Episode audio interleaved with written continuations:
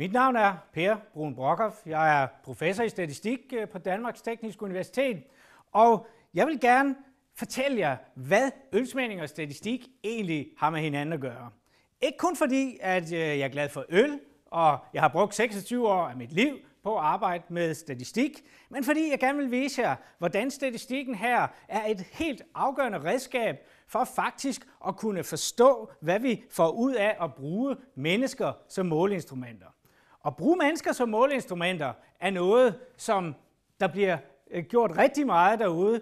Carlsberg, andre bryggerier og mange andre steder bruger faktisk ganske seriøst mennesker til at måle på deres øl for at udvikle god øl, der har den rigtige smag. Fordi man kan ikke måle kemisk alt relevant omkring de her øl, så man må bruge mennesker som måleinstrumenter, og det gør man derude. Man kalder det sensorik, når man forsker inden for det at bruge mennesker som måleinstrumenter. Man kalder det sensometri, når vi kobler det med statistikken, som jeg håber at kunne vise jer i dag, at det faktisk er ret vigtigt at, at gøre det. Fordi jeg vil prøve at tage fat i en helt simpel måde at teste og smage på øl, som er illustreret sådan en lille smule festligt her. Den test bliver faktisk brugt, måske lidt mere videnskabeligt mange steder, men man kan se, hvad der er, der sker. Øh, det er en test, det er en blindtest, hvor man øh, tager i det her tilfælde to øh, Carlsberg-øl og hælder op i hver sit glas, og man tager en tuberøl, hælder op i det tredje glas, og så beder man smageren, blind selvfølgelig, så man hverken kan se eller ved, hvad der er i øh, det enkelte glas, så beder man ham måske, for det er noget, det vi lige skal tænke over, man kunne bede ham om at pege den ud, der smager anderledes. Det er i hvert fald en måde at stille spørgsmålet på. Vi skal komme tilbage til, at det er vigtigt, hvordan man stiller spørgsmålet. Der er faktisk nogle andre ting, man skal tænke lidt over, hvis man skal bruge det her i praksis. Det er klart, så vil vi gøre det mange gange, og ligesom at, at få styr på, hvor tit kan man så øh, fange det rigtige øh, glas, når man bliver spurgt. Kan man det gøre det hver gang, så må det jo være fordi, at der er forskel på de her øl. Så lad os prøve at overveje lidt, hvad nu hvis det, der er forskellen på Carlsberg og Tuborg, for det er den øh, lille sammenligning, jeg vil eksemplificere det med her. Hvad nu hvis Carlsbergen faktisk er betydeligt mere bitter end, øh, end Tuborgen? Ja, det første vi skal tænke over er, en Carlsberg-øl smager jo ikke præcis lige bitter hver gang. Og det gør en Tuborgøl heller ikke. Det er noget med, at nogle gange opfatter vi dem mere eller mindre bitter. Det vil variere. Karls, øh, produktionen af øllen vil være kemisk sådan lidt forskellig fra gang til gang. Og vores opfattelse af bitterheden vil også være forskellig. Så selvfølgelig vil der være forskelligheder i Carlsberg, og der vil være forskelligheder i Tuborg. Og det er som det første, vi lige skal være opmærksom på, hvor vi har et statistisk redskab til at kunne kontrollere og forstå og beskrive forskellighed, variation. Og vi bruger tit sådanne grønne kurver, som vi kalder normalfordelingskurver, som sådan en slags beskrivelse model for sådan en naturlig biologisk forskellighed, der findes. Jeg har illustreret en situation her, hvor der faktisk er en klar forskel. Der er forskelligheder, men det er alligevel en situation, hvor Carlsberg-øllen opfattes øh, hver eneste gang, sådan som det er illustreret, mere bitter end tuberøllen. Det er jo ikke sikkert, at virkeligheden forholder sig sådan. Måske virkeligheden er, at ja, der er forskel, men det er ikke helt så klart. Der er sådan lidt for, for, øh, forvirring nogle gange. Måske virkeligheden er endnu mere forvirrende. Måske ja, der er forskel, men for det meste har vi meget svært ved at erkende det. Og så er der jo så den her virkelighed, at, at måske øh, bryggerierne snyder os. Tror jeg nu ikke, de gør, men øh, det kunne jo være, at i nogle sammenhænge, så kunne der faktisk måske slet ikke opfattes nogen forskel. Så det er det, vi skal selvfølgelig finde ud af med sådan en blindtest. Hvor er vi henne i virkeligheden? Nu, det var bare nogle, sådan nogle tænkte øh, scenarier for, hvordan virkeligheden kunne være. Så lad os nu prøve at se på blindtesten. Ja, allerede her, nu spørger jeg, hvilken er mest bitter? Før, da jeg snakkede om det, der sagde jeg, at jeg ville spørge, hvilken er anderledes? Det er to forskellige måder at spørge på. Jeg kan selvfølgelig kun spørge, hvilken er mest bitter, hvis jeg tror, at det vigtige faktisk er bitterheden. Og det har jeg sådan en vis idé om, det kunne være i hvert fald. Lad os prøve at tænke der. Hvordan vil vi så gøre, hvis vi får tre øh, glas øl? Igen sådan lidt øh, festligt illustreret her, ikke så videnskabeligt. Ja, så vil vi selvfølgelig smage på de her øl, og så vil vi prøve at finde ud af, hvilken øl er ligesom mere bitter end de andre to. Ikke? Vi skal smage på dem alle tre, og så vil vi her finde ud af, yes, det var den der, og hov, vi fik faktisk fanget den, der var mest bitter. Selvom vi var i en lidt vanskelig situation, hvor den ene tuborg, på grund af den her naturlige variabilitet, som jeg, som jeg talte om før, faktisk lå pænt tæt på Carlsbergen. Men ja, vi fik, det, vi fik fanget det rigtige svar her. Hvis nu jeg ikke turde tro på, at det var bitterhed, hvis jeg bare måtte tale, øh, sådan tænke i en eller anden smag, som jeg ikke på forhånd har nogen idé om, så, så kunne jeg måske blive nødt til at spørge, ligesom jeg lavede op til fra starten af, hvilken øl er faktisk anderledes? Ja, lad os prøve at tænke over, hvordan vi ville gøre i den samme situation, hvor der var, vi får øh, tre øl, må ikke vi selvfølgelig igen vil smage på ølene, og så prøve at finde de to, der ligesom er tættest på hinanden. Ikke? Det er faktisk en anden måde at, at gå til selve smageøvelsen øh, på, når man gør det. Og for det samme setup, ja, hvis vi spurgte på den måde her, hovsa, så ville vi jo fejlagtigt komme til at pege på Tuborg, som det, den, der er anderledes. Så det, det her illustrerer, at det kan faktisk være vigtigt at tænke over, hvordan vi stiller spørgsmålet. Øhm, de her ting, dem kan man så omsætte sådan lidt øh, matematisk til noget, vi kan, vi kan arbejde med. De to normalfordelingskurver øh, koblet med den måde, vi smager på, altså selve øvelsen, smagsprocessen. Øh, det giver en eller anden matematisk formel, når vi gør det på den ene måde. De samme ølkurver, kan man sige, men kombineret med den anden måde at smage på og spørge på, det giver faktisk en anden matematisk formel.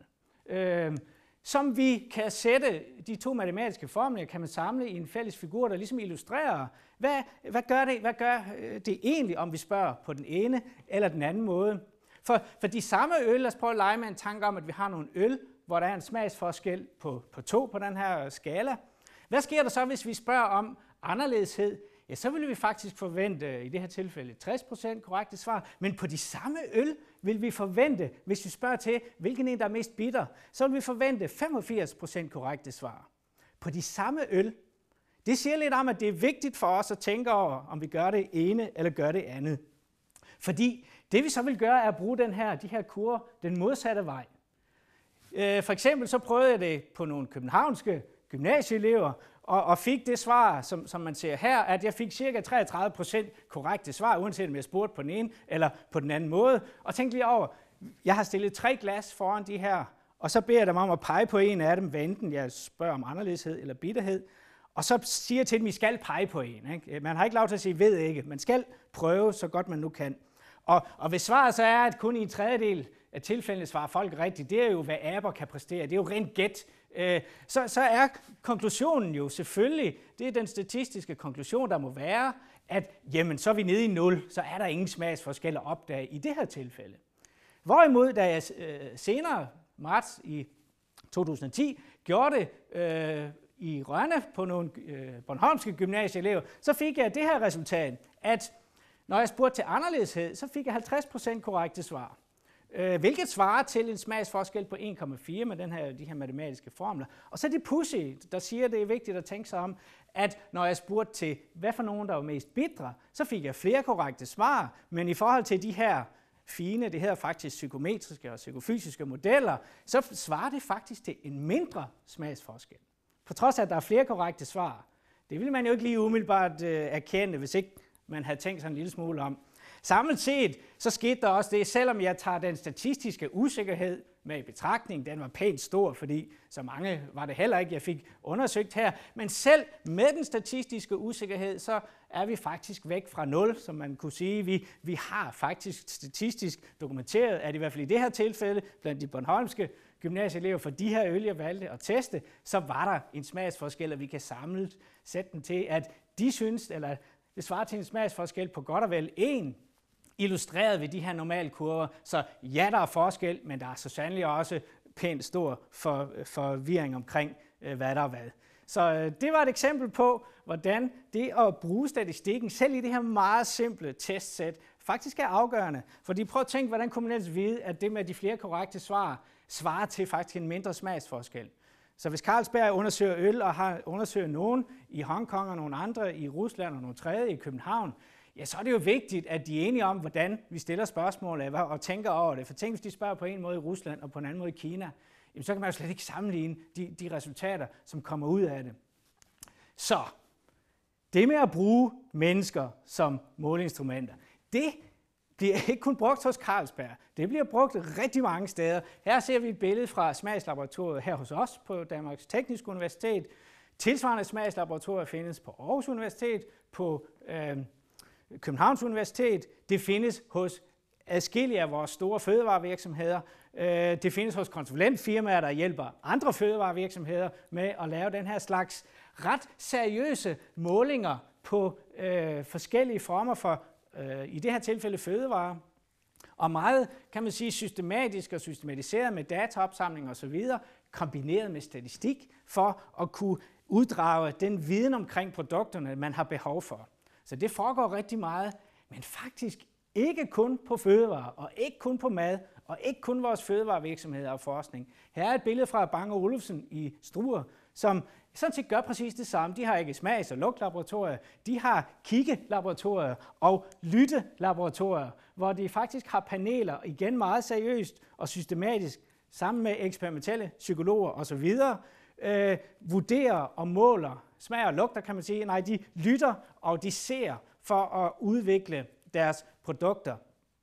En sans mere, vi har følesansen. Ja, den er faktisk også vigtig. Prøv at se det her produkt. Vi kender alle sammen elektroniske produkter, hvor vi har vores øh, sådan soft touch øh, betjening.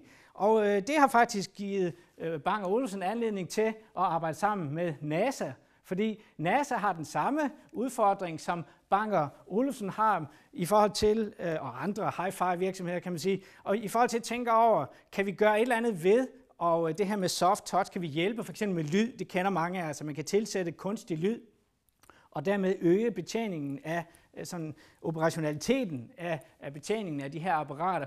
På samme måde så har en, en, øh, en astronaut, han øh, kan mangle både følesans og, og høresans, og, og han kan endda være udfordret på synet, når han øh, arbejder med øh, ude i rummet. Så, så Bang Olufsen og NASA satte sig faktisk for, det er sådan lidt øh, simpel start, videnskabeligt set at undersøge, her et eksempel på midt i, i det her forsøg, øh, hvad de forskellige sansers tilgængelighed betyder for øh, betjeningen af mekaniske knapper.